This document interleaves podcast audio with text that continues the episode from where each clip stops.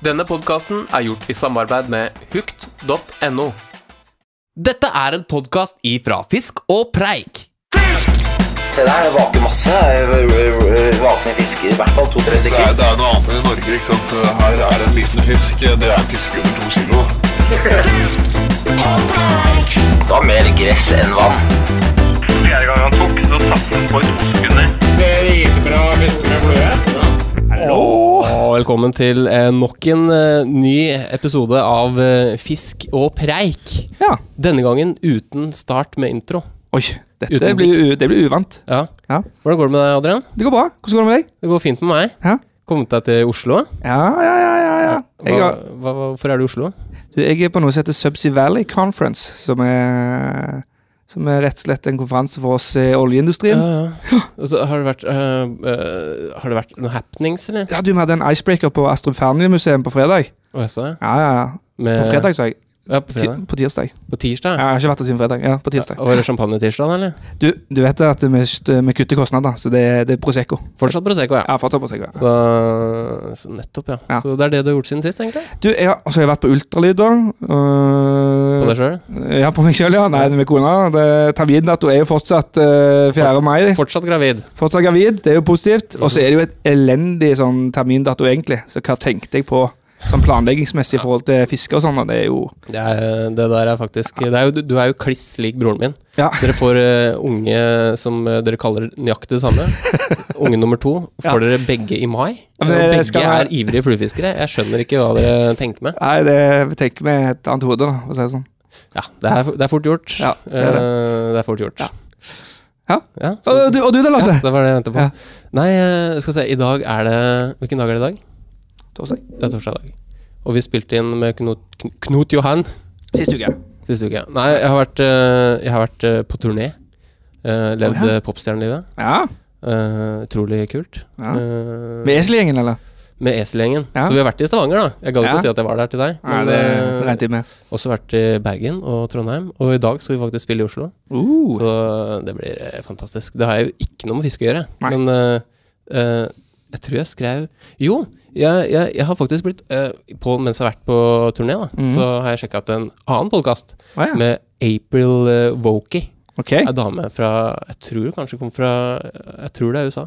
Hæ? I hvert fall, uh, Hun har masse episoder, eh, og blant annet så hørte jeg en episode med Larry Solomon, okay. som er sånn Caddis-nerd. da ja. Skriver, Jeg tror han har skrevet en eh, bok som heter eh, The Caddis and the Angler, eller noe sånt. Så han okay. satt og prata om det. Ja. Og vi som tror vi er ner ner nerder på døgnfluer Caddis Altså, der er det på en måte Det er en helt ny verden. Han satt og prata om det her, og det var, jeg klarte ikke å henge med i det hele tatt. Så ja, men så, tror du at du kan binde bedre og, Enn han? Ja. Nei, enn eh, altså, enn det du har gjort før? Tror du at du Nei, men altså, du hørte på Det var han snak, satt og snakka om insektliv, ikke sant. Uh, altså, han, intervju- hun intervjuet han Ja. om det her. Uh, og han entusiastisk uh, skravla om den elva han hadde brukt mye tid ved. Da. Og det var jo hundrevis av arter som han på selvfølgelig latinsk kunne uh, nevne. Altså, ramse ja. opp og mente at det var veldig forskjell på forskjellige mønster, når det ble fisket osv. Anbefales. Ganske, ganske interessant. Ja. Så det Nei, jeg kan forklare hva vi skal gjøre utover, um, utover denne episoden. Ja. Uh, vi har jo en, gjest, uh, Ja. og uh, så han kommer, kommer vi snart til. Så vi skal lytte spørsmål, og så skal vi ha din favorittspalte, Adrian. Adrians fiskevissespalte? Yes. Oh, yes. Og så til slutt så har vi episodens anbefaling. Kommer litt eh, tilbake til det. Eh, er det noe vi bør nevne før eh, vi fisser videre? Ja, vi, vi, altså jeg er jo lokalt. Jeg er jo Oslo.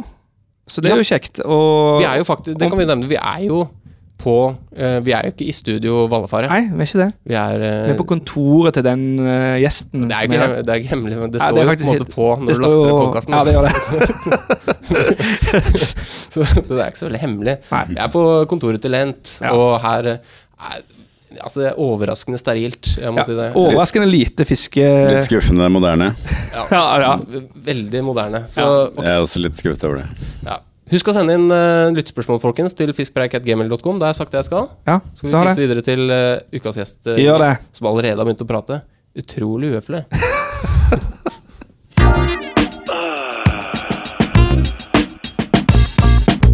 Dagens gjest i Fisk og preik. Ja, da tenkte jeg skulle begynne med, med å lese litt. Jeg er veldig glad i å lese. Ja. Og da skal jeg lese første kapittel fra en bok jeg skrev fra i 2008, er det vel? Ti år siden. Ja. Ti år siden. Faen, tiden flyr. En mann, en elv, en hel sesong. Det er fra boka Den samme elva. De aller fleste som fisker med flue, syter og klager over hvor skammelig lite de fisker. Hvis de hadde hatt muligheten, ville de fisket mye mer, og mange hevder de ville ha fisket hele tiden. Jeg fikk den muligheten, eller rettere sagt, jeg ryddet plass slik at jeg fikk den muligheten. Fra mai til oktober, en gang på første halvdel av 1990-tallet, stakk jeg fra alt og alle for å kunne konsentrere meg om én eneste ting, å fiske uhemmet med flue i en av Norges aller beste ørretelver, Skrukkedalsrenna, helt innerst i Skrapdalen.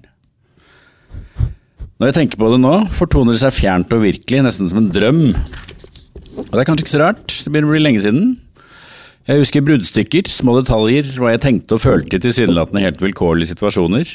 Vepsen på innsiden av bilruta, lyden av hagl mot teltduken, den blodige presten i hånden på skyggen, Umbro-shortsen til Reidar, Jesus-teppet og, det enorme, den enorme ørreten med bjørka helt øverst i akvariet.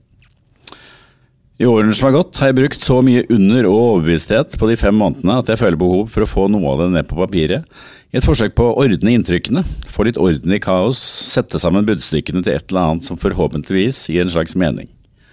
Jeg tror nemlig det ligger noe viktig der et sted. Jeg vet i hvert fall at jeg knakk noen koder det året, skjønte noen ting om ørret som jeg ikke hadde skjønt før. På en måte angrer jeg bittert på at jeg ikke skrev dagbok. På en annen måte er jeg glad for friheten det nå gir meg til å fortelle historien akkurat som jeg husker den. Jeg visste fint lite om Skrukkedalsrenna før jeg dro, og med tanke på den dominerende rollen den vesle elva har spilt i mitt indre liv de siste 13 årene, er det skremmende hvor tilfeldig det var at det ble akkurat Skrukka. Jeg hadde selvsagt hørt fra flere mer eller mindre pålitelige kilder at elva skulle være bra, men det hadde jeg hørt om mange elver. Det var Biff som ble tvunget på vektskålen. Min gode venn og læremester hadde, også han med en tilfeldighet, fisket i elva en formiddag midt i den verste Fmarella Ruvilli-tiden en gang på slutten av 80-tallet, og mistet det han mente var den største ørreten han noen gang hadde hatt på. Sånt gjør inntrykk, særlig når det kommer fra verdens sindigste mann. Når Biff hevder at fisken kan ha veid over tre kilo, var den etter alle solemerker nærmere fire. Jeg husker ikke lenger hva som kom først, om det begynte med at jeg bestemte meg for å bo en hel sesong ved en elv i Norge, eller om jeg fantaserte om Skrukka og så fikk det for meg at jeg måtte bo og fiske der en hel sesong. Det betyr ikke så mye nå, men tipper at det var en slags kombinasjon. De to tingene bygget oppunder og forsterket hverandre, og vokste til noe jeg ikke klarte å stå imot. Og når jeg først hadde bestemt meg for at Skrukkedalsrenna måtte være noe helt utenom det vanlige, og at det var der jeg skulle fordype meg i fluefiske på en måte jeg aldri før hadde vært i nærheten av, benyttet jeg hver skapte anledning til å helle bensin på bålet. Jeg kunne ikke insistere på å bo i telt i fire og en halv måned ved en elv langt Pokkervoll som var sånn middels. Jeg var avhengig av hausen opp til å være noe eksepsjonelt. Jeg måtte få både andre og meg selv til å skjønne at dette var noe helt utenom det vanlige. Og før jeg visste ordet av det, var jeg ute av stand til å skille mellom hva jeg faktisk hadde lest og hørt, og hva jeg hadde funnet på selv. På ett nivå var jeg svert, smertelig klar over at jeg er i ferd med å bygge opp uforholdsmessig høye forventninger, men jeg klarte bare ikke å la være. Og det kunne jo hende at elva faktisk var så bra som Biff hadde antydet. Det var en viss sjanse for at den var alt den fluefisker kunne drømme om. Det var i hvert fall ikke helt utelukket. Da jeg første gang i begynnelsen av februar luftet konseptet for Nora, trodde hun først at jeg spøkte med henne, og så at jeg gjorde slutt. Så vidt jeg husker, sto hun inne på badet i toromsleiligheten i Valmar Transgate og drev med sånt jenter driver med på bad. Da jeg med en flaske rødvin innabords omsider tok motet til meg halvveis ropte inne fra sofaen i stua. Du, Nora, jeg har, tenkt litt på å bo i telt uh, ved en elv til sommeren. Hele sesongen, faktisk. Fra mai til oktober. Jeg hadde øvd på hva jeg skulle si hundre ganger inni meg, likevel hørtes det fullstendig dust ut. Ja, det syns jeg høres ut som en god idé, sa Nora sarkastisk inne badet. Og jeg tror jeg går i kloster til høsten. Jeg mener det fortsatt, jeg. det hadde vært så utrolig kult å bo ved en elv en hel sesong, og så, og så tror jeg at jeg trenger litt tid for meg selv. Det ble helt stille. Så hørte jeg at Nora slapp det hun hadde i hendene, før hun kom stormende inn i stua. Der ble hun stående og se på meg et halvt minutt, med øynene som plutselig var hovne, før hun forsvant inn på soverommet og smalt igjen døra. Det falt henne ikke inn at jeg virkelig hadde tenkt å bo alene i skauen fra mai til oktober og bare fiske, og at det ikke hadde noe som helst med henne å gjøre. I løpet av vinteren klarte jeg nesten å overbevise Nora om at det ikke var henne jeg rømte fra, men at dette var noe jeg bare måtte gjøre. Jeg tror jeg sa noe sånt som at jeg var møkk lei av å gjøre ting stykkevis og delt, og for en gangs skyld ville gjøre noe fullt og helt. Også Nora vet jo at Ibsen er minst like aktuell den dag i dag. Men sannheten var at jeg ikke helt visste selv hvorfor det var så forbannet viktig å bo alene i telt ved en elv en hel sesong. Jeg fikk ikke helt, fikk ikke helt tak på det. Kanskje var det så enkelt som at verden er stappfull av mennesker som preiker om hva de egentlig burde gjort, hva de egentlig har aller mest lyst til å gjøre i hele verden, at jeg var fast bestemt på å ikke bli en av dem.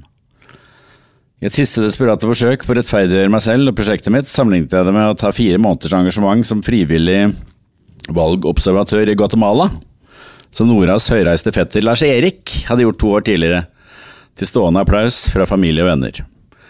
Det var omtrent like dårlig betalt, og først og fremst en selvutviklingsgreie, mente jeg. Og jeg, hadde jeg, som Lars Erik, dratt til Quetzaltenango og trukket på meg lyseblå FN-vest, ville alle klappet meg på, på skulderen og nikket anerkjennende. For en type! Ofre fire måneder av sitt dyrebare liv for å hjelpe de stakkars folka i krigsherjede Sentral-Amerika? Ja, det ville jeg synes var helt strålende. Fire og en halv måned med fluestang langs Rukkedalsrenna derimot, framsto som egoisme i sin reneste form. Det var nærmest en ond handling. Og hvis jeg skulle være helt ærlig, var jeg vel litt enig i at å rave rundt med fiskestang i hånda ikke er det aller mest altruistiske man kan bruke tiden sin på. Det er definitivt ikke veldedig arbeid. Heldigvis har folk som Roald Amundsen og Erling Kagge sørget for at vi har gode tradisjoner for selvsentrert galskap i Norge, og til syvende og sist syns jeg at jeg slapp relativt billig unna. Tusen takk. Det var langt, da. Det var den flotteste introen vi har Det var kapittel én. Her kommer kapittel to. Vi kunne jo kjørt lydbok. Det er helt krem. Det er, er det der eh, Er det selvopplevd? Nei. Det er eh, Det er en slags syntese altså, denne- Jeg skrev den i 2008. Og det er en slags øh, Slags syntese av alt jeg hadde opplevd fram til da som fluefisker. Ja. Så jeg har aldri, aldri bodd Du følte En hel deg som sesong en uh, en boms på innsida, kanskje? Ja, altså har jeg hadde jo for eksempel bodd tre måneder i, i, i Patagonia. Ja, du hadde det, ja. Ja. ja. nettopp. Men aldri i Norge. Hadde du dame da, sånn eller? Ehm, det husker jeg ikke. Nei. Jeg kan ikke ha det. Jo da, jeg hadde. Jeg, hadde. Ja, jeg møtte henne senere i Buenos Aires. Men så, så det er ikke noe Det er ikke noe sann historie, men det er på en måte um, litt selvopplevd allikevel. Mm. Men um, jeg husker jeg traff Børge Ausland. Mm. Han um, Ekspe eh, ekspedisjons... Ja. tøffingen. Mm. eh, For vi var på samme forlag. Ja, nettopp, ja. Og så sa jeg ja, det er hva holder du på med? Nei, jeg skrev et bok Det handler om en fyr som stikker av fra livet sitt for å, for å bo en hel sesong med en elv. Mm. Ja, har du gjort det? Så. Eh, nei, det er, det er skjønnlitteratur. Det er ikke, det er ikke nei. Nei, det er ikke så interessant. ja. Børge Ausland har vel eh, Han har Tre måneder var vel ingenting for han. Nei, det var jo altså i seg selv en latterlig latterlig greie. Fyrstelig-prosjekt. Ja. Minst et år. Og i tillegg ikke var sant. Ja, da, da, da ble jeg helt uaktuelt for han. da. Ja, men du, du, du har skrevet en del eh, bøker opp, opp igjennom. Har jo det etter hvert, det. Ja. Hvor, hvor er det begynte der, egentlig? Det begynte vel um, øh, Jeg husker jo at jeg i det aller første bo fiskeboka jeg var borti, var at jeg oversatte en dansk fra dansk til norsk. Ja, ja. Uh, Sjøørretens byttedyr. Sjøørretens byttedyr. Ja. Det er en klassiker. Okay. Uh, det var det aller første jeg gjorde. Så jeg var jo liksom um, Jeg var jo og leste jo mye, var veldig opptatt av fiskelitteratur og sånn. Ja. ja. Hvor gammel var du da? Nei, det begynte vel Det var jeg vel for så vidt helt fra jeg var 15, 15 år gammel. Ja, ja. Men dette var etter jeg, jeg tok master i London. Mm. I Latin American Studies Ok. Ja, på på um, UCL. Som den gang eh, hadde ikke forhold til at det var noe bra skole, men som nå er ranka jævlig høyt. Topp fem i verden. Hva sier du Ja. Så hvis jeg liksom sier hvor, hvor studerte du? Nei, UCL. Oh, Og, UCL. og da blir folk Altså, du forventa egentlig at jeg bare eller vi Ja. ble litt mer Ja, imponert at det er sånn, hva? UCL? What? Ja, vi kan godt klippe det. Klipper det, og så bare Wow! Ah, yeah. Ja, er det sant? UCL? Ja, Sykt, ass. Um, eh, så, Men det hadde ikke noe med forfatterskap å gjøre, kanskje? Nei, så da jeg kom hjem derfra, så um, um, Da var jeg vel 27 eller noe sånt. Ja, nettopp. Og da var jeg, søkte jeg litt jobber med uh, Da var det mest aktuelt siden det var Latin-Amerika. Søke jobber i Norad og, og i bistand og Ja, ja, ja. eller sånt. Men fikk heldigvis ikke noe jobb. Nei. Så, um, og så begynte jeg å oversette til TV. Uh, tekst til TV. Ja, altså, Fordi det var et par venner av meg som gjorde det. Ja. Fra spansk? Uh, nei, bare Engelsk. engelsk. Ja. Simpsons, blant annet. Oh, ja, Simpsons. Så. Det er fun fact. Ja, det, det er faktisk fun fact. Um, og så um, Og da er jo, selv om det kanskje ofte ikke virker sånn, så er jo å, å skrive korrekt er ganske viktig. Ja. Mm. Selv om det er mye rart. Og selv om folk elsker å si og lese skakka av av TV-teksting. ja, det er mye rart. Det er mye rart. Og særlig nå, når det er blitt mer sånn automatisert. De vil Ja. betale mindre. Så det er jo mye Ja, er det rett og slett datamaskiner. datamaskiner som oversetter? I hvert fall sånn delvis. Det var sånn uh, halvveis, og så må du rette opp det datamaskinen har gjort. Ja. Det, jeg vet ikke, det er veldig lenge siden jeg gjorde det. Men, eh, så jeg begynte med det, og så mm, Og det var liksom inne i språk, begynne å skrive. Og så dro, dro jo, traff jeg Bård eh, Tufte. Ja. Mm. Han eh, Vet ikke om jeg hørte om han, er en sånn struggling komiker. ja, han Ja. skalla fyren eh, Ja. som driver flyr rundt med Var han skalla på den tida Han der? har gjort det ganske bra, men det går jo Ja, opp og det? ned. Da, ikke sant? Ja, ja. Det er showbiz. Det går jo opp og ned i showbiz. Nå går det opp. Nå går det ja. opp, ja. ja for han, han er Nytt på nytt. Ja. Det er det der NRK. lineær-TV. Jeg hørte rar, Rart at folk ser på det fortsatt. Ja, men, det- eh, ja. Det er, det er håpløst Ja. gammeldags, spør du meg. Men da traff jeg han, og så dro vi da på vår første um, tur til Argentina. Og da var det sånn at begge to hadde holdt på med fluefiske fra før av, liksom. Og det var liksom Var det sånn dere bonda, på en måte, gjennom fluefiske? Jeg var, jeg, jeg var ekstremt ivrig. Altså, Ja. um, tar den historien først, da. Um, jeg hadde en bestefar som var veldig ivrig fluefisker. Fra Hamar. Mm. Og han um, var norgesmester i tresteg og lengde. Flott mann. Veldig spenstig. Ja. Og menn ble tatt av tyskerne under krigen, satt to år i, i konsentrasjonsleir. Oi. Og var en skygge av seg selv da han kom hjem. Og sleit, ble aldri seg selv. Ja. Sleit masse. Og hva gjør menn som sliter? Jo, de stryker til skogs. Ja. Mhm. Og later som de skal ut fordi naturen er så fin. Men det er for å være alene. Ja, ja. Så han uh, fiska veldig mye. Og um, husker det alltid komme opp til Hamar der opp i, og gå i fiskeskapet hans var veldig stas. Med masse fluer og splitgain-stenger. ja, Ordentlig klassisk med silkelinjer og så Ja, videre. ja, Ja, alt øh, veldig, veldig ivrig. Så han, det var liksom inngangen min til det. Så da arva jeg en sånn um, splitgain-stang som sikkert veide fem kilo. Det var, var så vidt jeg klarte å holde den. Og var på Hardangervidda, fordi fattern var litt også halvivrig fisker, ikke veldig. Og fiska um, i inne hos og ute hos på Hardangervidda, Mm. som var veldig stas. Og så var det vel jeg egentlig da som introduserte denne vennen min som het Aksel, til fluefiske. ja, ok. Men jeg drev med andre ting, og fluefiske for meg bare en av mange morsomme ting. Men han ble fullstendig kjørt på det. Ja. Og så flytta han til USA i 1982. Det er såpass lenge siden. Ja, ja. Og Du var ikke født? Ja. Nei, det var ikke det. det skjedde mye før dere ble født. Ja.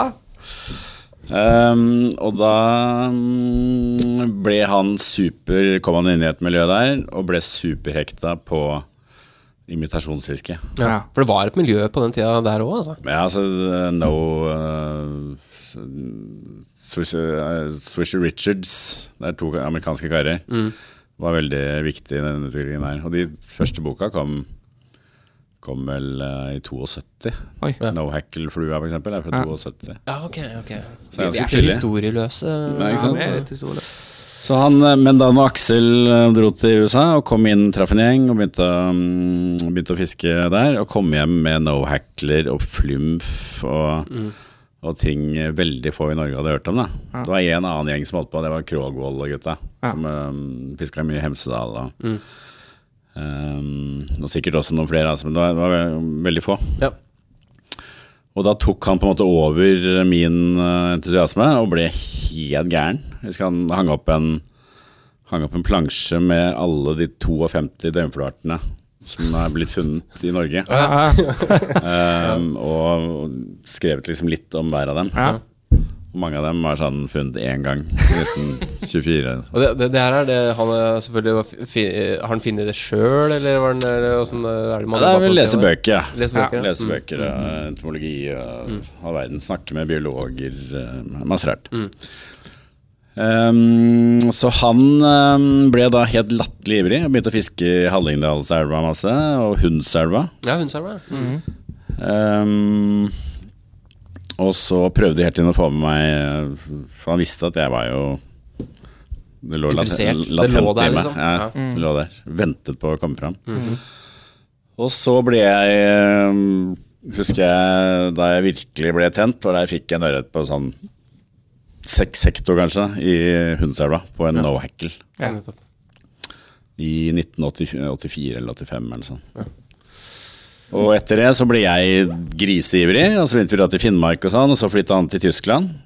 Og så mista han litt interessen, og så tok jeg helt over. Okay. um, og så fiska jeg jævlig mye fra fra, altså, ja, fra 87-88. Og da var det til, sånn eh, noen og tjue eller sånn? Ja, rundt 20. At, fra 18-19, da. Ja. Mange som starter eh, Eller blir ivrig på den tida der. Så. Ja. Og så traff du Bård, da, var det du sa? Jo, og så um, dro jeg blant annet um, Reiste et år i Sør-Amerika tidlig på 90-tallet. Mm. Og da hadde jeg med meg um, alt unntatt uh, vadere og håv. Ok. Um, visste at jeg kom til å få lyst til å gjøre noe, Ja. ikke bare reise Ja, ja. etter hvert. Og hadde med meg en, uh, en tisiders uh, artikkel fra Fly Fisherman. Mm. Så var jeg veldig ivrig på amerikanske uh, fluefiskeblader og sånn. Mm. Særlig amerikanske. Engelsk var litt sånn gammeldagse. Ja. Så det var veldig USA-retta. Ja, for de, dem tok litt over etter hvert, jeg har hatt litt inntrykk av. Det er veldig sånn Da vi ble skikkelig ivrige på 80-tallet, så var det et veldig inntrykk at de engelskmennene sto i De, de var, hang litt igjen, på en måte. Ja, veldig. Sto i støvlevader av gummi og, Kun oppstrømstørt og sånn? Ja. og mye Til og med våtfluesveip nedstrøms, liksom. ja, okay. Og tweed og Mens amerikanerne var veldig på imitasjoner. Ja, ja. De finner på nye, nye, nye imitasjoner, nye måter å gjøre Trailing chuck-diskusjonen kom jo f.eks. tidlig slutten av 80-tallet okay. i USA. Um, så jeg hadde med meg den i lomma, og så reiste jeg sammen med en venn av meg, begynte i Guatemala. Og så, etter et par måneder, så ville jeg bare ned til Argentina og Ja. For å fiske. for å fiske. Og det mm, Da skilte vi lag i Peru. Og så dro jeg ned til Chile. Og mm, dro fra mm, Santiago, kjøpte meg telt og vadere og håv. Mm. Og dro sørover så langt man kom den gang med bussen. Ned langs kysten etter Pøtermont. Og så inn i skauen. Strøk jeg inn i skauen innom mot Argentina. Ja, nettopp. ja. Eh, Gikk aleine? Ja. Rett inn i skauen. Ja, ja. Hadde nesten ikke kart på den tida. Ja. Hadde du med deg mat i det hele tatt? Bare- nei, Nei. nei. Leve, leve av det jeg fant. Ja, Ja. Ja, det hørtes skummelt ut. Ja, det var litt skummelt. Jeg holdt på å bli tatt av flom, blant annet. Og ble reddet av en jeg trodde jeg var midt inne i villmarka. Og så um, Og det regna og regna og regna. Og så plutselig kommer en uh, Ligger jeg der aleine. Uh, litt sånn Har du sett Into the Wild? Ja, ja, jeg, jeg, jeg, Ja. jeg, egentlig tenkte på den før du nevnte det. Jeg følte meg litt, uh, litt som han. Og dette var jo før, før han. Før filmen ja. Pre Christopher McCannels. Ja. Um, og så var det en fyr som sa Hei, du, nå må du flytte teltet ditt. Uh, det kommer til å bli tatt av elva. Og jeg trodde jeg, at det ikke var noe Jeg, jeg tror det var villmark. Ja. Ja. Så viste det seg det var en liten bondegård rett oppi, um, rett oppi høgget. Ja. Uh, og du kan bo på, bo på låven. Kom opp og bo på låven. Og det, inn på låven, og der bodde jeg sammen med en uh, hjerneskadd fyr. Som jo jobba på, på gården. Som har satt, som har satt, satt stille og stirret på meg og smilte og lo. Ok. Eh, men det var helt umulig. Så var jeg helt sånn synde... Ekstremregn. Ekstremflom, så jeg kunne ikke Jeg måtte bli der. Ja, nettopp. Og da husker jeg så ble han inviterte meg inn på middag. Uh, Landsbyidioten fikk ikke middag, men uh, jeg ble invitert inn. og Hva er det, for en historie? Ja, det, er, det er mye rart det. Um, og så sitter vi, og veldig liksom Han faren i huset han og døtrene satt og kniste litt. Og jeg syntes det var veldig spennende med han, han fyren fra Merkelig fyren fra Europa. Hva i all verden gjorde han der? Og så begynte de å snakke litt politikk, og det er jo ofte dumt. Ja, det, Man ja. bør jo egentlig ikke diskutere politikk. ja det, er man, eh, det, det er i hvert fall hvis man er uenig. Ja, Ja. og det er man jo ofte. Ja. Um, og da um, sa jeg sånn Øy, det er så, det er så kult med det, å reise i Chile. Det er sånn go, uh, kvitt han derre uh, Pinochet er liksom uh, diktator. Di, diktatoren er borte. liksom folk er fornøyd, det er god stemning. Mm. Ble helt stille. Synes jeg selvfølgelig Han var jo svoren Pinochet-tilhenger. Og der sitter midt inne i skauen i Chile. Ja, Så da takket jeg høflig, høflig for maten og gikk og hentet tingene mine og gikk tilbake til sivilisasjonen. ja. Men ikke før jeg hadde fått en ørret på tre kilo ok. i en liten elv bak huset hans. Sier du Oi. Mm. Spring Creek, som ikke var påvirket av, Av vannet, ja. av vannet. Det her er jo noe du bør skrive bok om. Tror jeg har eh, nevnt det så vidt i noen små greier, men jeg, holder, jeg skal skrive en 800 siders uh, Min bok nå, ja. Kamp-aktig. Ja, som bare handler om det. Mm. Oppholdet på gården. Ja, ja. Det høres eh, spennende ut, det, altså. Ja. Nei, men eh, ja, nå, det virker som vi flyr gjennom eh, livshistorien din her, da. Det, mm, det er jo spennende. Men la oss Jo, komme fordi, til Bård og Lars. Ja, fordi det var jo det Dette var, var bare en slags intro Ja, til ja. Bård og Lars. Det glemte jeg. Ting tar tid. Um, så jeg hadde jo vært i Argentina Mm. og fiska masse. Så traff jeg Bård på en fest. Harald Eia, gammel barndomsvenn av meg. Ja, ja, ja, nettopp. Så det var sånn jeg traff eh, Bård. Han hadde med seg Bård på fest. Ja. Og så um, hadde han litt, uh, litt tid uh, til vinteren. Og var jævlig ivrig fisker. Nettopp begynt å fiske med flue. ja, stemmer. Og så tipsa jeg han jeg må dra til Argentina. Og dra dit bak den steinen der. Står kjør, parker der, gå ned dit. Så dro han dit og hadde veldig kult. Men han var helt fersk, da. Ja, ja. Men uh, det er jo fantastisk sted. Ja. Fantastisk område.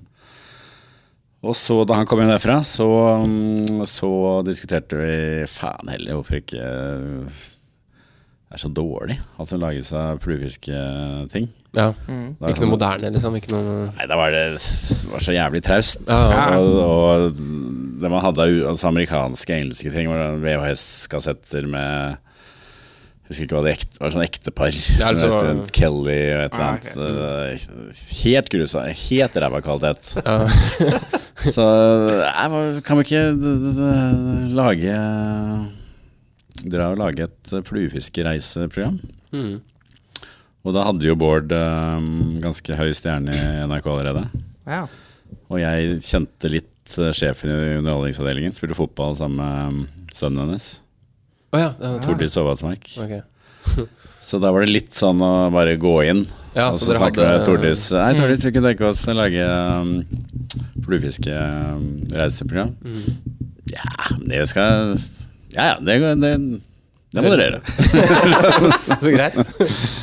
Og sånne ting har forandret seg veldig, da. Ja, men For det må ha kosta mye penger å sende liksom tre stykker for det var deg og Nils. Ja, det var veldig Første var veldig, veldig um, lavbudsjett, da. Ja. Okay. Mm. Det var jo bare tre stykker, mm. og lite kamera. Og, og vi kjente, men vi kjente hverandre ikke, så det var litt sånn uh, litt spennende. Men første episoden var uh, Patagonia, var det ikke det? Mm, Ja. Argentina.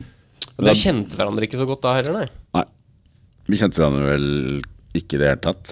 Det var kanskje litt derfor magien var eh, som han blei, da? Eller at man Ja, det, var, det funka fint, det. mm.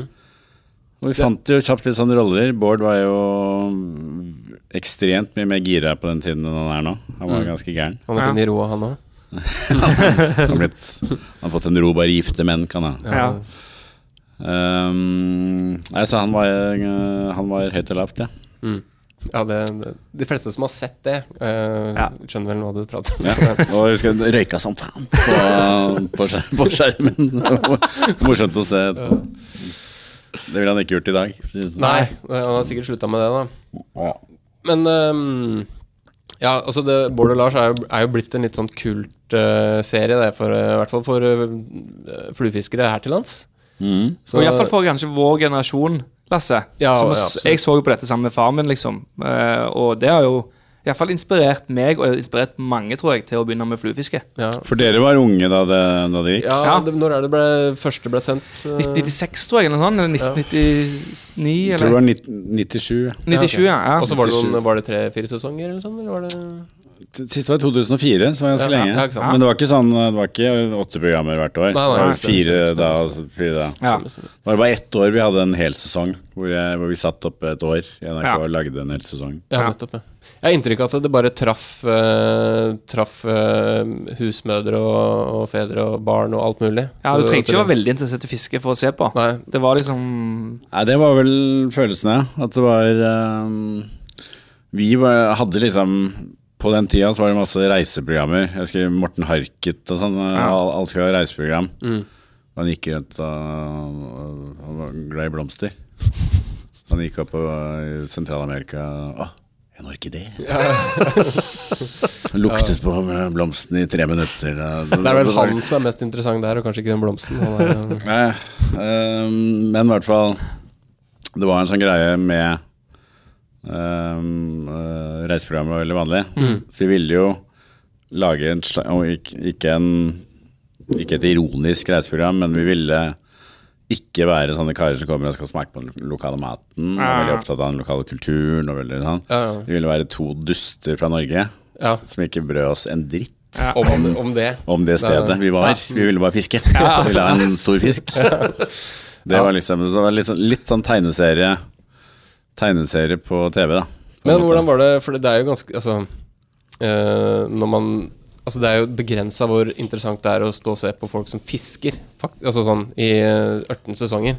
Så hadde, det var jo mye handling rundt dere, på en måte. Ja, vi, skrev, vi skrev jo et slags uh, Altså ikke hva vi skulle si. Nei, nei, men hadde ideer rundt hva Vi hadde dere veldig klare ideer at det skjer, Mm. og så blir det sånn, og da skal vi dit. ja. mm, mm. Så for eksempel, jeg bare husker så godt når eh, en episode der dere er i Finnmark, er det vel? Mm. Og så er det vel du som har tatt med deg eh, øyebind og stol og Det er masse Ja. gadgets, Ja, Bård. Bård sliter som faen. Ja, ja. Eh, jeg regner med sånne ting var planlagt på Ja, det var, det, var, det var veldig planlagt, men eh, jeg husker jeg fikk en del hatmail. Gjør du det? For Det er ofte veldig mange som ikke skjønner det. Ja, det- Forbausende mange som ikke skjønner at, at det er planlagt. Jeg der syns jeg du oppførte deg fryktelig dårlig, Lars. Hvorfor kunne ikke Bård få låne den stolen?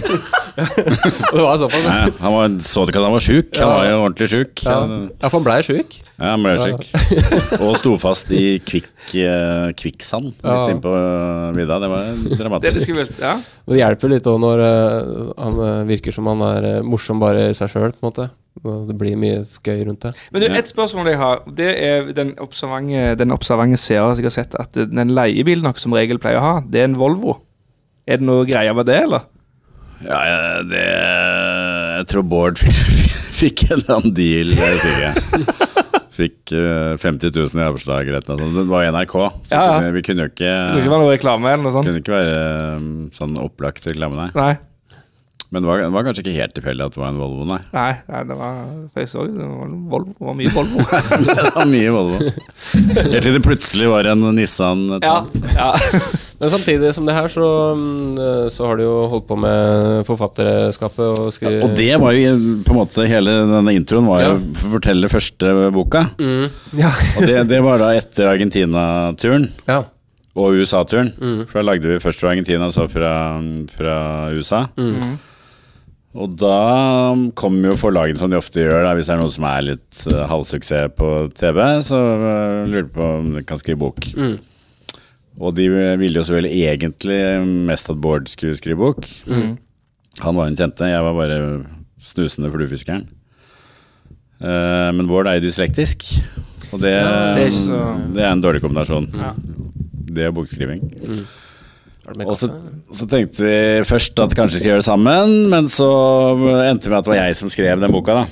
Ja. Som heter 'Over bekken etter Ørret', som er eh, en slags reise eh, reiseskildring fra, fra de to turene. Er den, den er kanskje ikke så lett å få tak i nå. Nei eh, Nei. Jeg tror ikke den fins i, i eh, bokhandel lenger. Men det var rett og slett en skildring fra denne, de opplevelsene der, da. Ja. Ja. Reise humoristisk. Bruker humor, Ja, ja, selvfølgelig. Ja, ja. Um, fra Argentina og fra USA. Mm. Og den gikk åra, eller ble Forlaget syntes den ble overraskende bra, da. Mm. De hadde venta seg noe møl, tror jeg. Men jeg brukte ganske mye tid å prøve, prøve å skrive en morsom historie. Ja, ja. Eh, og den gikk bra. Solgte masse. Mm. Og da fikk du på en måte fortsette Tror faen meg den boka jeg har skrevet som har solgt mest. Sier du det? Er det? Det er trist å tenke på. Tenke på det. Minst for det. Nei, det, nei, men det var sånn den gang, hvis du var i bokklubben f.eks., mm. så var det 10 000 X Ja. bare i bokklubben. Ja, sant. Uh, nå er det 750. ja, det er litt uh, Så det er, det er skjedd ting der. Altså, øh, Har du skrevet bok med Nilsen, uh, blant annet? Og den øhm, Ja, og så skrev jeg jo da en del fiskerelaterte bøker fra, um, fra den. Um, en som heter Flyt, som kom i 2003 eller noe sånt. I 2002. Som er um, mer um, neppe og fortellinger om, uh, om uh, å være sjukt opptatt av fluefiske. Mm. Litt sånn uh, Jeg ser du har G-Rack-boka her. Litt sånn Ja. G-Rack-aktig. Han var, han var et slags forbilde lenge, da. Ja, det, det, det, men den ble skrevet på Var det 70-tallet, eller var det 80-tallet? 85 eller noe, tror jeg det er. Ja. 85-86. Og han begynte jeg å lese ganske tidlig. I Mm. hvert fall på slutten av 80-tallet. Sånn, mm. Og den følelsen av å lese noe um, av en fyr som liksom har tenkt og tenker akkurat de samme tankene du Mm. På andre sida av jordkloden. på på måte. andre siden av jordkloden, og som du tenker at uh, du er ganske alene om Mm. her. Nei, er akkurat samme. Ja. det er det samme. Ja, for det, det Før Samme så dere hadde jo ikke noen forumer sånn som man har nå, eller Facebook og alt sånt der, så da måtte man jo leite i bøker på, for å skaffe informasjon og alt det der. Ja, det var jo, alt var jo annerledes, men det, det går jo så gradvis. På en måte, Man tenker jo ikke så mye på det. Men eh, det var jo det. Og da, da var det eh, amerikanske blad, eh, magasiner. Ja, nettopp. Mm. Fly ikke? Fisherman. Ja. Mm. Som kom en gang i måneden i postkassa. Det var liksom eh, Det var det du gleda deg til? Ja, Liksom. det var, det var stas. ja. Men så har du på en måte Virker det som beveget deg litt Altså, du, du har alltid et eller annet med fisking å gjøre i bøkene dine, har inntrykk av. Jeg har lest Jeg, husker jeg leste den derre Den norske pasienten. Ja, Der er det jo litt do- dorging, i hvert fall. Ja, ikke Ja. sant? Det, det er alltid et eller annet, noe sjøørret eller annen uh, gjøk som fisker. Da. Ja. Men det virker som du har på en måte klart å, å Eller ikke klart, men også bevege deg litt ut ifra den uh, ja, bomsete Ja, det, det var et slags bevisst valg, da. Ja, ja. At jeg skrev um, fiskerelaterte ting. Hvor den, den samme elva som kom i 2007 eller 2008 mm. Det var liksom uh, Samla alt jeg hadde Alt jeg hadde drevet med i fiske. Ja. Og det var også der på et tidspunkt hvor bokklubben gikk ned, og sånn. Mm. Og så var det en følelse av at uh, jeg, jeg kan ikke fortsette å Du måtte selge gå kommers. jeg, kan, jeg kan ikke selge liksom 1100 bøker. Da, da, da er det i så fall en ren hobby, da. Ja, Ja. Som meste bokskriving i Norge er jo det, Mm. til syvende og sist. Ja. Men eh, da hadde jeg lyst til å gjøre noe annet. da. Jeg hadde jo skrevet om fiske da i ti år. Mm. Og da um, skrev jeg Norskpasienten. Mm. Og så kom Brødrene Vega parallelt etter det, og så kom Menn som hater ulver. Ja, stemmer det. Stemmer det. Det, er Veldig, veldig aktuell. Det er. Veldig aktuell. det er det samme universet, og alle de tre bøkene. Samme to gutta. Ja, Ja. Eh, Leo Vangen og Rine Gulliksen. Mm. Og Veldig nå- bra. Jeg har lest, eh, lest eh, Jeg leser faktisk den um, Brødrene Vega, og så har jeg lest den første. Veldig, veldig bra bøker, jeg si det. Det er hyggelig. Jeg har vært nå i det som holder meg flytende økonomisk, ved siden av, ved siden av å stille opp på sånne ting som dette her. Jeg syns det var veldig bra betalt. Ja, det, Veldig sjenerøst. ja, det var jo at uh, for I Norge så skal du jo selge mye ikke sant? for å kunne leve, leve av det. Det er, ikke, det, er, det er ikke mange som lever av skrivebøker skrive bøker i Norge. Nei. Det er liksom toppkrimfolka, så er det noen få romanforfattere. Mm. Men um, så for et par år siden så ble Pasienten og Brønne Vega og den da fortsatt uferdige som hater ulver solgt til Tyskland. Ja, Hvor det ble en ordentlig budrunde i Tyskland. ja, For normalt hvis du selger til utlandet, så er det bare stas. Mm. Ja, ja. Du får 2000 euro, mm. og så kan du skryte av det. Mm. Sånn som jeg gjør nå. ja, ja, det er veldig bra. det. Men uh, da ble det budrunde, Mm. og det ble plutselig Oi, det ble veldig mye penger her plutselig. Så nå bare lever du de glade dager? Så, nå, så det gjør at jeg Nei, men Vil du si at det var en liksom breakthrough eh, for din del, Eller? Det gjør i hvert fall at jeg kan leve eh, annerledes. Nå, Ja. nå, nå skriver jeg på heltid. Ja. Ja. Og har gjort det nå i, siden det, i to år. Mm. Og nå kom, eh, kom Brødrene Vega, eller Der Lärm der Fische beim Fliegen, som det heter på disk. Den kom nå på mandag. Ja. Så uh, ja, men Gratulerer, da. Det er Ja, gratulerer med det. utrolig stas. Det da. er kjempegøy. Så nå har jeg vært i Leipzig i helga. Kom hjem i går. Ja, ja. er, er det, kan du tysk, eller? Aber selbstverständlich. Ja, ja, ok. Ich Jeg habe kan Deutsch ikke. Så zwei Jahre in der Schule gelernt. to år i et eller annet gelæren. Ja. Ja. Så til alle våre tyske lyttere, så Ja. var det en liten bonus Er der. det, er det sånn at du har lest boka di på tysk? Uh, jeg var i Leipzig nå, Mm. hvor det er sånne opplesninger. Svær bokmesse. Og da min tyske oversetter Han eh, må da lese, mm, lese Stille meg spørsmål på tysk. Ja. Og så må han oversette til norsk. For jeg tullet i sted. Jeg kan ikke Jeg er elendig i tysk. Ja, ok, ok. Ja. Så, men jeg lurte dere. Ja, Hei. ja, jeg ikke altså. Nei, Jeg har ikke hatt tysk, jeg har hatt fransk. Jeg. Fransk, ja. ja, det spanske. Ja, spansk tror jeg var lurest. Um, jo, han må oversette spørsmålene um, til norsk. Og så må jeg svare på norsk. Og så må han oversette mitt svar til tysk. Så det er en veldig corny snål-situasjon. da. Ja. Men da begynte vi hver lesing med at jeg um, leste en side på tysk. Og det syns folk var morsomt. Ja, I hvert fall når du ikke kan språket. Det, ja. Men, men har, du, har du lest inn noen lydbøker? Uh, nei.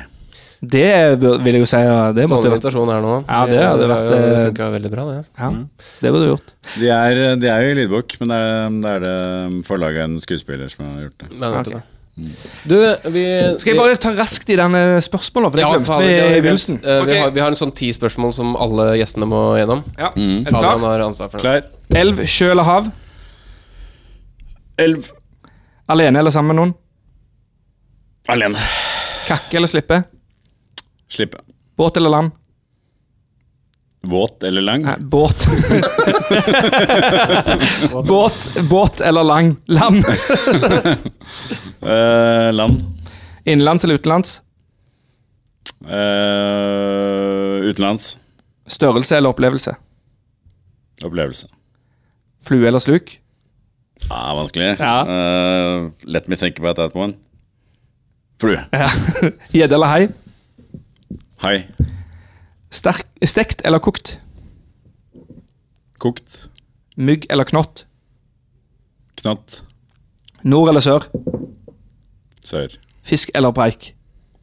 Begge deler. Ok.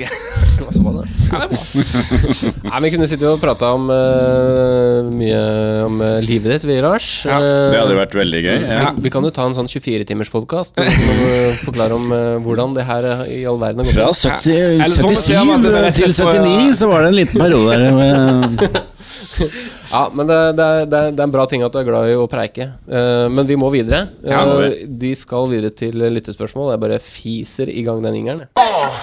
Lyttespørsmål i fisk og preik. Et lite.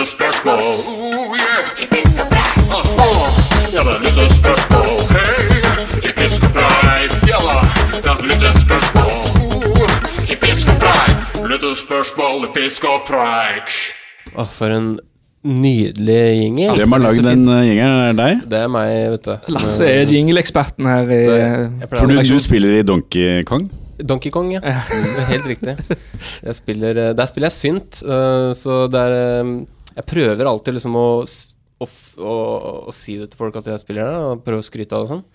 Men jeg får jo ikke noe feedback. eh, Altså Det er ingen som kjenner meg igjen eller noen ting. Eh, Fordi du står litt uh, bakerst på scenen og spille synt? ja, ja. Og så nå har jeg en podkast. Så der prøver jeg liksom å snike inn så ofte jeg kan. Sånn at du spiller Donkey Ja, liksom? jeg liksom. var på turné i helga, dritfett. Ja, Sånn holder jeg på, da. Hvordan går det med bandet? Er det, dere er i full vigør, eller? Det er vel du som skal bli intervjuer, er det ikke det? Jeg liker det. snu bordet. Nei, vi, vi, vi ga akkurat ut ny singel, og det går bra, den. Det virker som den har blitt lista litt eh, på diverse radioer og sånn, så vi holder det gående, da, vet du. Ja, det er bra. Jeg merker det, jeg kan bare si det. At eh, jeg, jeg er jo ikke gammel, jeg er 32, da, men eh, jeg har jo spilt i bandet noen år, og, og også produsent, da. Men jeg merker det, at det nå begynner å komme sånne yplinger, sånn i 20-årsalderen, Ja. og er så jækla kule, og liksom er liksom Altså, dem er freshe, og vi begynner å bli gamle. Ja, ja, Dere aldri- Boy er sånt er veletablert gammelt band, eller? Altså, vi spilte på Vinterlyd, da. Det er sånn sånn turné for P4. Og så, og så Vi har liksom pleid å bli fronta kanskje på reklamer og sånn. Nå gjør vi ikke det lenger. Det er liksom Nico Vince og Mad, Madcon er gamle gutta, da. Men Ja, også har du er liksom. Ja, så de, men de, jeg vet ikke hvorfor de blir fronta, men det er sikkert fordi de er kule, da. Ja. Også, pluss andre artister. Før var det liksom Donkey Boy, vi var kule og sånn, men nei da. Nei, da, så begynner det å bli gamle, gamle folk, rett og slett. Jeg spilte jo også i band uh, da jeg var yngre. Og vi var, følte oss Og det var ikke kødd. Vi følte oss genuint gamle når vi var 25. Å ja. For da var det liksom alle um, engel, eng, engelske band. da ja. Det som het uh, liksom postpunk new wave den gang. Okay. Der var alle mellom 17 og 22. Ja, nettopp. Så det var jo, hvis du var 25, så var du eldgammel. Steingammel. Legende i miljøet. Ja, vi tar eh, et lyttespørsmål. Eh, vi begynner litt eh, Faktisk et spørsmål som jeg syns er litt interessant. Og det er fra Teabag Johnson.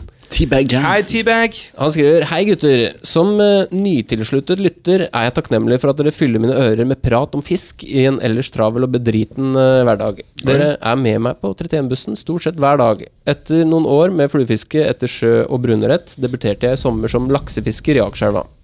I løpet av min tid langs elvebredden gjorde jeg noen bemerkninger som jeg gjerne vil ha deres input på. Rent eh, sosialantropologisk vil jeg påstå at eh, nordmenn stort sett er ganske reserverte og sosialt tilbakeholdne sammenlignet med andre nasjonaliteter. Derfor er det bemerkelsesverdig at folk flest mister alle sosiale hemninger når de ser meg stå langs elva i flu med fluestanga i hånda. Folk blir på generell basis svært pratesjuke. Dette er man, øh, øh, dette er også et fenomen man ser når folk eh, kommer seg ut av byen og opp i fjellheimen. Hva tenker dere om dette fenomenet? Hva er det med en fisker som gjør at folk blir så kontaktsøkende? Og hvorfor er det slik at uh, fisker langs elva kan prate i timevis uten å kjenne hverandre, mens to som bedriver hobbyen jogging, ikke har sett hverandre i øynene engang? Uh, jeg har mine teorier, men jeg vil gjerne høre det fra, deres, uh, fra dere først. På forhånd, takk. Ja. Jeg vil ikke si at det, det, det er litt sånn uh, jogging òg, så kan du liksom nikke. Da, gjerne, sånn. Hilse når du løper forbi. Ja, men du, du, du nikker liksom gjerne. Men Mener det du er jo det seriøst? ja, Altså, jeg vet ikke hvordan det er i Sandnes, altså, men uh, i Oslo så hilser ikke på hverandre. Jeg hilser ikke, men jeg nikker kanskje sånn. Ja, anerkjennende nikke... Men det føler jeg jo er sånn Det er jo litt sånn Det er morsomt det temaet han tar opp, for det, det, er- det er veldig rart, liksom, at du liksom går på skitur, og så er det liksom Hei, hei, du, du driver på med det samme som meg, ser jeg, så da må jeg si hei til deg. Altså, meg og deg holder på med det samme. Hei, hei. Vi er helt like. Ja. Det er jo samme med sånn eh, motor Mest kjent er jo eh, motorsyklister. Som Når de møtes. Møtes er det. Ja, det er sånn. Og bussjåfører. Bussjåfører. Ja, ja. ja. Der oppe med Det hånda. sånn. Ja. Hva, er det noen regler for når man kan hilse på hverandre? eller Sånn er det, eller hva? Det har vært morsomt å ha en psykolog, faktisk. Det er ikke sant? Jeg, jeg, jeg kan jo prøve meg med en teori, da. Ja. Um, jeg tror det er så enkelt som at alle fiskere føler, føler at de er litt Litt nerdete og litt sånn outcasts på et eller annet nivå.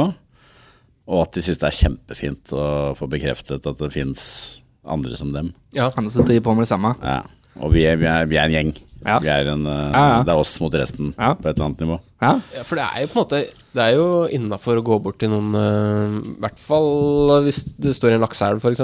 Da er det jo langt innafor å gå bort og si hallo, liksom. Dere fisker gjerne på samme strekk og sånn. Men ørretfiskere så er det jo litt annerledes, kanskje. Seriøse ørretfiskere er jo helt motsatt. De skyr jo Ja, ja. folk. Ja. Jeg, jeg gjemte meg jo i busken hvis jeg hø hørte, hørte noe folk lenge. Ja, det er eh, faktisk Jeg har én historie der jeg må bare fortelle som er litt artig. Apropos gjemme seg i busken. For jeg um, har en eh, kompis uh, som uh, fortalte meg om et vann. Uh, det var et par stykker som visste om det her. Ikke så veldig langt fra Oslo, men uansett så, så var det Han ville holde det veldig hemmelig, da. Mm. Eh, så han fortalte det til meg, og så var det en annen som visste om det. Eh, og så var det en siste person som fikk vite det av han andre, da. Så, eh, så, så jeg hadde ikke fortalt noe, men han altså, Andre hadde fortalt. Ja. Poenget var i hvert fall at eh, de to, altså han, han eh, den, Vi kaller han eh, den, eh, han som visste om det først, da, Ja. tok med han nye til dette vannet. Og det viste seg at han som hadde funnet det vannet her først, var der samtidig. Og de kjente hverandre, da. Ja. Ehm, og så var de der og fiska, fikk ikke noe fisk og sånn. eh, så går det et par dager, og så får, ehm, får han ene, han som har vist vannet, da, til han andre, en, eh, et bilde på Facebook tilsendt av privat. Der, der, der er en zooma inn. Sånn skikkelig dårlig kornete bilde. Og så, og så ser du busker på sida, og så står det bare Hva faen er det du driver med? og da han, han løpt til skogs og tok bilde av dem. Ikke kom bort og hilste eller noen ting. Men han tatt bilde. Han var forbanna. og dratt hjem. Altså, det ble Nei, det er ganske Og man føler seg så smålig òg, vet du. Ja, Det er litt sånn eh, Men samtidig, men man vil jo Siste vil, særlig hvis jeg har fått los på en fisk, stor fisk som er oppe og vaker av og til, er liksom å slå av en jovial pirat med en fyr. ja, ja. Sånn- Ja, du- da var det Nå nå er det fokus! Kom deg. Eh, Kom deg bort. Men vi har jo snakket litt om litt det samme temaet før òg. For det er ikke bare andre fiskere som kommer bort og snakker til deg når du står og fisker en plass der det er eh, gjerne litt folksomt, da, sånn som i Akerselva, eller der jeg har fiska i, i et lokalt vann i Sandnes, som er litt sånn urbant, da. Da kommer andre folk òg bort. Ah, Ja, ja, fisk her, da? Får du noe fisk, liksom? Er, er det liksom Ja, det er første, jeg har førstehåndserfaring fra Akerselva i sommer, og det er jo helt jævlig å stå og prate med folk. Altså, du, for det første, hvis, for første gang du drar dit, så føler du deg jo dum, da. For du, du kjenner jo litt på at det, det her er jo ikke helt det jeg egentlig driver med. Og, men så kommer du over den kneika, men så begynner folk å komme bort og spørre, da, som du sier, da, om uh, Får du noe fisk her, da? Ja, ja. Og, Er det noe, er det noe fisk her, da? går det an å spise denne fisken? Ja, sant, det, det det går an å spise har, du har jo lyst til å bare fortelle dem uh, at det, det er ikke noe problem. Men uh, ja, så du går jo ikke bort til en tigger og bare ja, 'Er det noe penger her, da? Får du noe penger her, eller?' Det er ikke sant, det det burde, burde bra- stelle veldig bra. Stelle på Generus isteden. Der er det mye mer trøkk. Nei, du kan, ikke, du, du kan ikke bruke disse penga, skitne. Altså. Hva gir du tilbake penga, sier du? Setter ut penga igjen.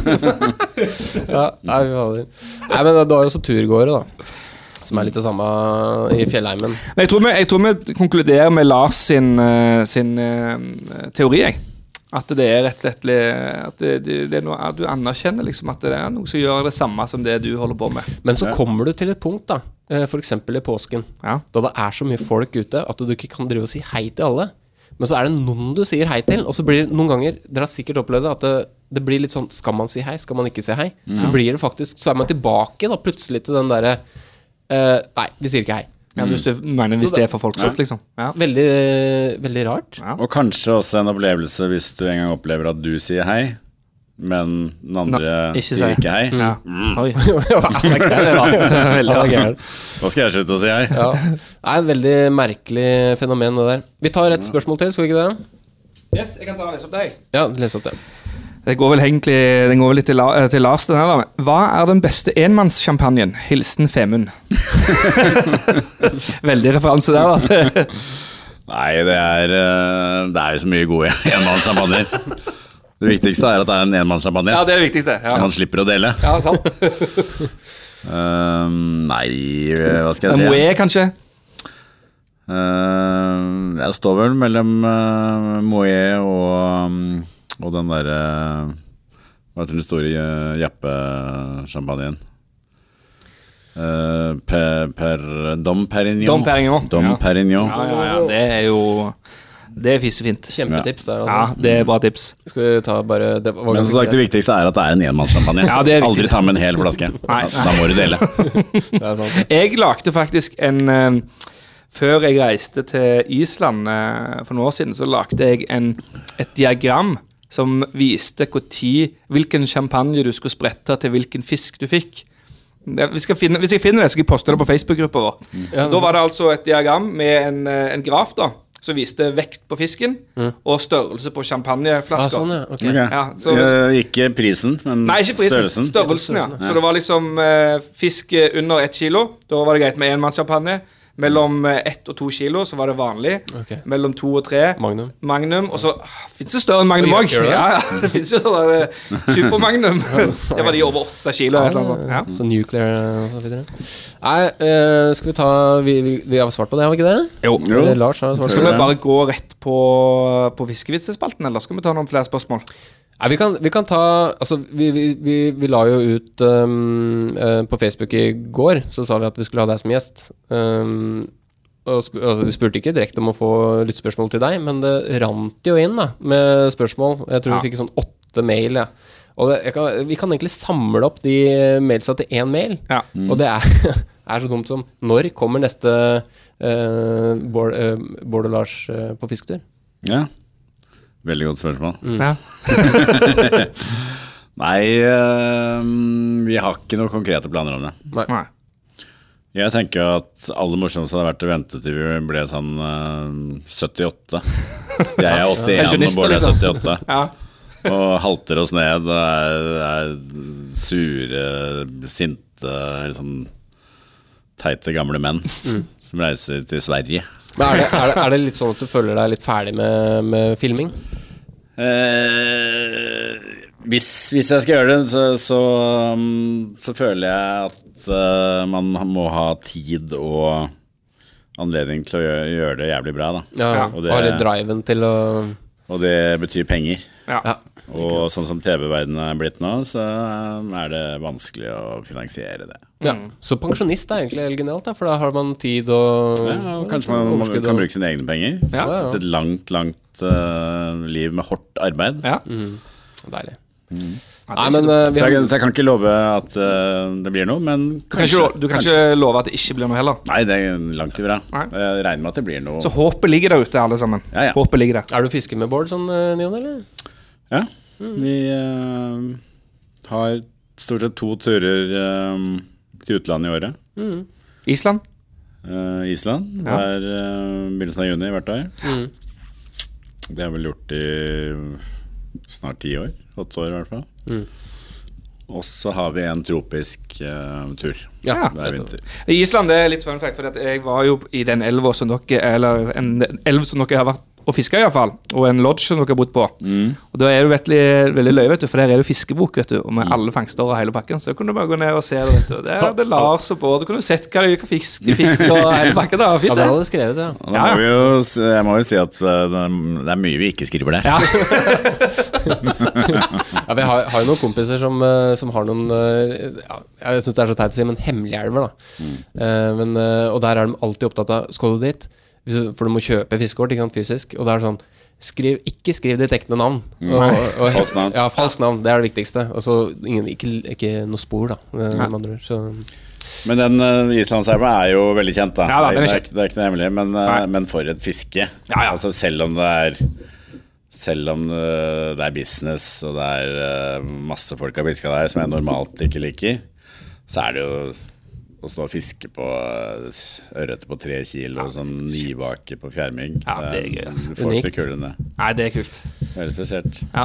Vi, Ok. skulle, eh, vi skulle gjerne tatt flere spørsmål, men vi tror vi bare må gå videre til din favorittspalte, Adrian. ja, jeg tror vi gjør det. Er du klar for denne, Lars? Alltid klar for vits. Det er altfor lite vitser. Ja. Ok, vi kjører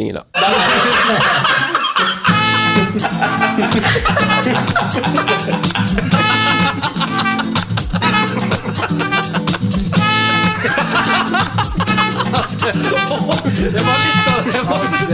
da. Olja presenterer Adrians fiskevitsespalte. Ja, der fikk du den. Det var nesten noen rorbua-stemning. Ja, det pleier Ja, Det er som vi alltid sier, denne, denne spalten er ingenting uten Adrian. Nei. Hva han ler mest. Så det mest. er bare å kjøre på. Da skal jeg lese ta en vits, da. Ja, vær så god, kjør på. Uh, dette er en historie fra Tromsø. Eh, en dame kom på Fisketorget i Tromsø og sier Den torsken eh, ser dårlig ut. Mykje verre, kjære frue. Den er død! Den er død! Ja, Adrian han begynner For Når du overdriver, så begynner Adrian å le, og så bare går det over til ekte latter. Det er det, det er det som er morsomt. Ja, Du kan ta en til hvis du Skal har vi ha en til? Ja, ta en til. Ta en til. Ok. Det er samme mann, da, som har sendt inn. Eh, ok. Ja, det er meg, faktisk. Det er det. Dekknavn. Eh, en svenske og nordmann sto og fisket på hver sin side av elva. Nordmannen sveivet inn den ene laksen etter den andre. Svensken fikk ingenting. Så da ropte han til nordmannen. Hei, kompis. Eh, jeg skulle virkelig gjerne vært på din side av elva. Jeg kan lyse med lommelykta mi tvers over elva, og så kan du gå på den lille stripa med lys, ropte nordmannen. Rar ting å si. Da ropte svensken tilbake. Det skal du regne med, kompis. Jeg antar at du tror at jeg er en idiot. Når jeg kommer halvveis over, skrur du vel bare den fordømte lommelykta av? Lars har forstått konseptet, for han ler så falskt, og det, det, det vil jeg gjerne at dere òg skal begynne å gjøre. For. Der har du noe å lære. Jeg kan ta en uh, Det er drøyt, det er drøyt altså. Skru, bare skrur av lommelykta halvveis uti, liksom. skal jeg ta en, jeg kan ta en fiskevits Vis- slash, slash gåte. Ja, ja, vær så god. Den er på engelsk. Så, Jeg skal, jeg skal gjøre meg klar til å le. ja. Skal vi prøve å gjette, eller? Nei, jeg tror, eh, nei, jeg tror ikke det. Du kan gjette. Ja, du kan gjette. Okay, okay, Ok, ok, ok, la oss gjette. What did the fish say when it hit a concrete wall? No idea. Damn. Det var litt Det det var litt ekte. ekte. det. Det var litt ekte latter. 70% ekte, 30% ironisk. Ja. Ok, jeg skal ta en, jeg, da. Dette, eh, det begynner å bli manko på fiskefister der ute. Så jeg Ja, det er jo litt sånn Det er litt sånn eh, Det har vi tatt opp, faktisk. Det Det- det- det- spalten er Den ut- den utdøende spalte. det kan, Men jeg, jeg har funnet ut at det finnes jo masse jaktvitser, vet du. Ja, så, Så, det er sikkert mye. Ja, ja, Ja. masse. Så, Mange av dem involverer uh, drikking. Ja. jeg tror. det vil ikke den her. Eller kan hende at ja. det- ja. En mann fortalte sin naboen at han hadde vært på elgjakt. Og Så sier mannen Jo, du skjønner at jeg skjøt en el- elg på 500 meter? Og så sier naboen «Eh, da, var jammen, eh, da var det jammen en lang elg. Nei, jeg, altså jeg skjøt en elg eh, med gevær på 500 meter. Og så sier naboen da Det var jammen et langt gevær. Nei, nei, altså jeg, jeg, jeg skjøt et, eh, en elg med gevær på 500 meters avstand. Og da sier naboen Da smalt det fra naboen. Da var det, da var det jammen godt at ikke elgen skjøt først.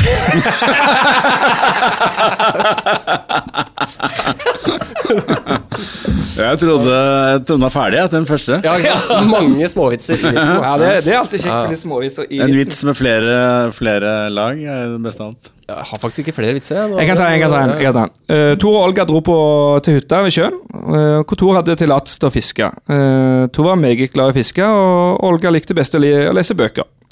En morgen så kom eh, Tor tilbake fra sin eh, tidlige fisketur og bestemte seg for å ta en, eh, en middagslur. Olga beslutta for at hun skulle ta ro en tur ut i båten, og, og etter en stund så fant hun et hyggelig sted ute på fjorden og kasta ankeret. Etter en halvtimes tid så dukka det en fiskevakt opp. God morgen, frue. Hva gjør de på?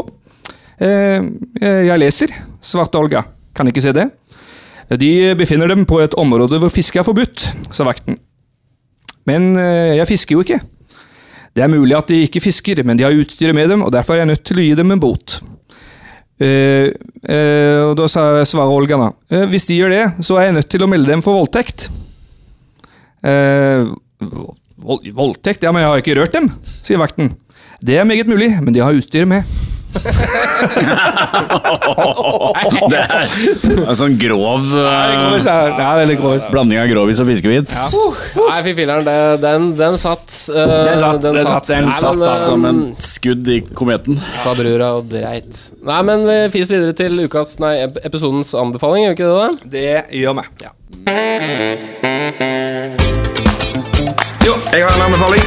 Ha med snickers på tur. Fiskerusletur. Jeg skal anbefale et uh, nytt produkt. Og Det eneste gode jeg har til det det er å være sterk i trua. Franske bakvarer. Croissant. Croissant. Jeg vil faktisk anbefale fisk og preik. Nei, men uh, vi kan begynne, vi, da. Ehm, jeg har en, uh, har en anbefaling, og det, det er så enkelt som å, at hvis ikke folk har sett det, så må du sjekke ut Den fantastiske villaksen på NRK. Ja, den er bra. Har du sett den, eller? Nei. Fin serie av han Hva heter han igjen? Eh, Kenneth Ja. Bruvik. Yes.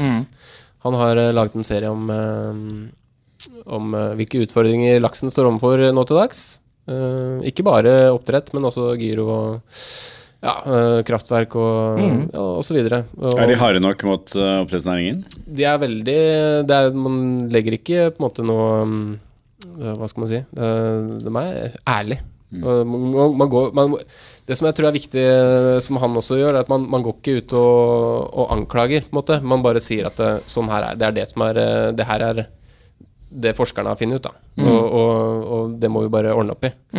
Sånn, og det er en hel episode som handler om uh, oppdrettsnæringa, og det er veldig lett å bli uvenn med dem. Men jeg tror, jeg, personlig så tror jeg at eh, man må være, gå litt ydmykt til verks. øh, og heller være seriøs i måten man prater på, så kanskje de svarer med samme mynt. Men øh, veldig, veldig bra. Uh, og det, det er eh, Mange flotte bilder òg. Til og med Jeg så var Per Sandberg som hadde sett den. Eh, og han hadde til og med Han hadde tvitra eller et eller annet at uh, her må det gjøres noe. Så det var um... Per er en følelses, uh, et, et følelsesmenneske, som min far ville sagt. Ja. Så han kan plutselig Oi, han, Bru, han Bruvik er jo skikkelig engasjert. Ja, ja, ja. Og det, da må det være noe. Ja. ja. Da må det, så der, på den måten er jo faktisk Per Sandberg bedre enn mange som har vært før han. Mm. Han uh, Bruvik står faktisk og griner. eh, i en av, for han må, men må jo slakte en del laks, for da har gener av oppdrett i seg. Så det, det, er, det er ganske For en som er så engasjert, da, så er det ganske brutalt å se at mm. livsgrunnlaget blir borte sakte, men sikkert. For, eh, for, eh, for de som jobber der og er i områdene og sånn. Men så kom jo kritikken, da, som jeg leste i det i Dagbladet i går. Ja. En av fyr fra Østfold, eller noe sånt.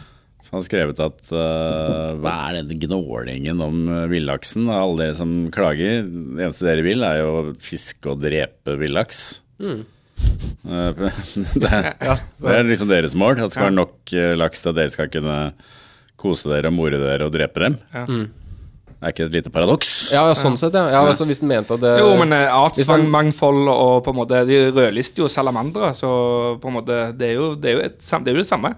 Altså, det, er, også, Det er litt av det samme, men, men, eh, men den åp det er en åpenbar grunn til at folk eh, laksefiskere engasjerer seg i Ja, det er jo greit. Ja, ja. Det er- egen agenda bak det. laks. Ja da, Så det er sant, helt, det. helt klart eh, et paradoks, men eh, samtidig så, så er det jo kulturminner og så videre. Ja, ja. Tradisjoner og Det er jo en ja, Jeg er jo altså, veldig enig. det er, det er ikke et uh, min, til- Det er ikke det er ikke et argument. Nei.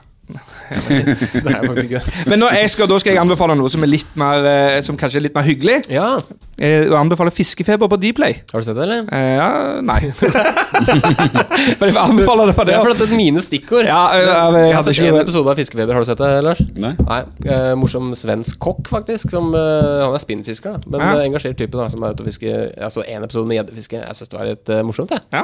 Så all fisking er jo Ikke all fisking er gøy, men eh, akkurat han uh, var, var sånn en uh, svensk versjon av Tor og Tor, bare et, et par hakk i sånn over, da. i kvalitet. ja. Ikke for å Tor og Tor er veldig bra. da. Ja, to og to. Hei, hei. Hei, Tor. Ja, ha, Tor og Tor. Um, skal jeg anbefale noe? ja. Uh, fiskemessig syns jeg um, alt Rolf uh, Nylinder og Peter Christensen gjør. ja Enig. veldig, veldig enig. Veldig mye fint. Mm. Jeg, jo, jeg kjenner dem litt. Det, det Du har jo vært i film med det og greier. Ja, jeg må innrømme det. Ja. Men jeg syns de lager veldig fine ting. Mm. Um, når jeg sitter og skriver, så hører jeg på musikk. Ja. Og nå hører jeg mye på en kar som heter Jason Isbell. Okay. Amerikansk sånn singer-songwriter-fyr fra Alabama. Alabama. Lumberjack og Ja, men uh, Thinking Man's Lumberjack. Okay. Det er mye, han er litt politisk uh, sånn, og nydelig. Altså Plata hans, særlig den fra 2014 som heter Southwestern. Southeastern. Er uh, nydelig. Er det, er det fin musikk til å sitte og binde flue med til, for ja, perfekt. Ja, det, det har du en veldig god anbefaling. Anbefaling. Ja. Ja. Jason Isbell der, altså. Ja, for det, det er jo det som er podkast og musikk. Det er veldig fint å binde fluer til. Det er ikke så lett å binde fluer til vi video, liksom. Nei. Det er en kjempeanbefaling. Hør på Fiskepreiken og binde fluer. Ja, for eksempel. Ja. Nei, men øh, jeg tror Nå har vi snakka i en time og ti minutter her, står det. Ja. Det pleier å være perfekt lengde. ja. Jeg tror Skal vi, skal vi si det, det var greit? Har du er noe du har lyst til å tilføre før vi avslutter, eller? Kommer du til å kutte ut mye av den uh, Argentina-introen min? Nei. jeg, jeg satt og tenkte at det her blir litt langt. Nei, men jeg syns det er uh, Vi får se. Det, Ingen vet. Ingen vet. Nei, Det, det, du får høre på kom ut. Vi pleier å ha et prinsipp at vi Eller jeg, da. For det er de gutta, de klipper ikke. Jeg pleier bare å si at vi, det blir som det blir. Og, og, hvis, og hvis folk ikke gidder å høre på det, så ja, ja, ja. Da kjører vi kjører på. Ja. Ja, men Tusen takk for at du stilte opp. Ja, tusen takk, Lars. Det setter vi skikkelig pris på. Bare Veldig hyggelig. Veldig hyggelig. Takk for i dag. Ha det bra! Takk for i dag. Hasta la vista. Har du bidrag eller spørsmål til oss i Fisk og preik, send mail til fiskpreik at gmail.com eller via våre Facebook-sider. Husk også å sjekke ut hukt.no og Hukt pluss.